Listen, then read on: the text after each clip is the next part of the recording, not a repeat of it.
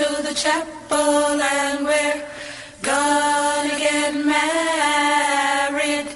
Going to the chapel and we're gonna get married. Dit is maklik om te trou. 'n Geweldige groot groep mense deesdae wat hulle doen is hulle trou sommer voor die landros. Dis 'n baie goeie proses beloof jy dit en en mekaar en jy weet daai tradisionele rympie wat ons mekaar opgeset maar dit is meer terwille van die paartjie om dit darm 'n bietjie meer omvangryk te maak as net om daar te staan en te sê wel beloof jy trou en hierdie persoon wil jy met X getroud wees? Ja sê hy. Hy wil jy met X getroud wees? Ja sê hy. Daaroor verklaar ek julle man en vrou. Dit is die stem van die president van die prokureursorde van die noordelike provinsies Dr Llewellyn Kerloos Hy sê wetgewing rondom huwelike het in die afgelope 20 jaar van demokrasie baie verander in pas met die Suid-Afrikaanse grondwet. Persone van dieselfde geslag wat voorheen verbied was om met mekaar in die huwelik te tree, daardie aspekte het natuurlik geheel en al verander in die ou dae bekend gestaan het as sogenaamde buiteegtelike kinders. Daardie hele konsep het hier weggeval.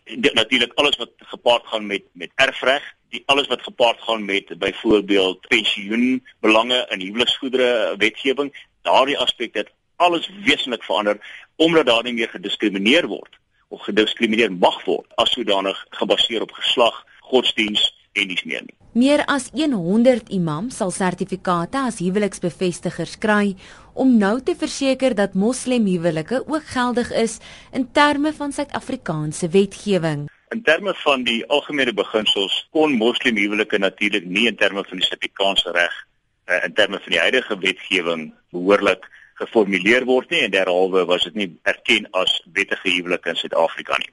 Die wetgewer het goed gedink het om hierdie persone toe te laat om te registreer as gewone huweliksbevestigers. Voorheen kon byna enige persoon aansoek doen om die tipe lisensie te kry, maar nie meer nie.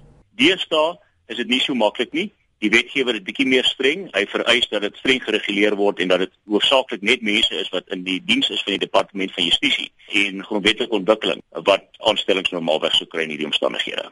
Kerloos sê ou reëls wat in plek was om te trou soos dat daar 'n dak oor jou kop moet wees, is nie meer van toepassing nie en hy beskryf dit eerder as tradisies wat oorgedra word. Ons kyk na die kliniese bewoording wat in spesifieke wetgewing staan, dan is daar natuurlik streng formalistiese vereistes. Maar deesdae en dit is die moderne siening, gaan van die benadering af uit ons kyk na die bedoeling van die wetgewer. Die bedoeling van die wetgewer is doeteenvoudig dat dit in 'n georganiseerde omgewing moet plaasvind, dat daar ooggetuies moet wees dat hierdie uh, dat hier 'n formele regsproses tot stand gekom het. Dan kan jy myself op die strand onder 'n paar blare die troues hier dan 'n lekker kry. Dat daai is argaïs as standpunt en ek dink ons het lankal weg probeer daarvan.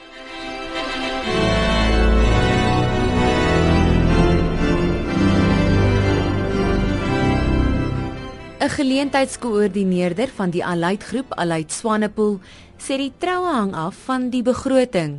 Wat troues die pa uit die sak het kan jaag. Ons kyk na omtrent, ek sal sê as ons en ek ek haat die woord, maar dit is tog wat mense mag gebruik, 'n budget troue, sal ek sê so so R1000 per persoon. So as jy 120 gaste nooi, dan kyk jy na R120000, maar dit is baie basies dan. Die tipe troues wat ons mee werk, werk so in die omtrek van R3000 tot R6000 per persoon van ons koppels nou deesdae, um, hou hulle trouens meer klein en intiem. So jy kyk na 30 tot 35 mense.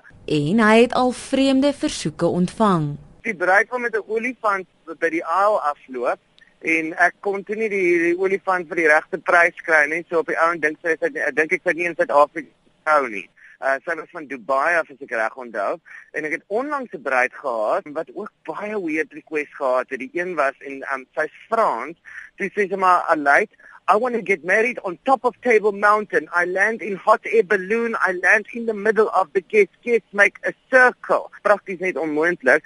Swanepoel vertel dat troues tussen kultuurgroepe verskil, maar ook tog ooreenstem. Indiese 'n paartjie ook, hulle sit op hulle eie stage en almal sit al die gaste kom neem foto's by hulle deur die aand. Dis die wonderlikste curries wat ons gewoonlik bedien wat in die middel van die tafel kom en almal help hulle self baie drywe sap, baie sagte drankies van geen alkohol word bedien nie. En teen 8:00 is almal klaar.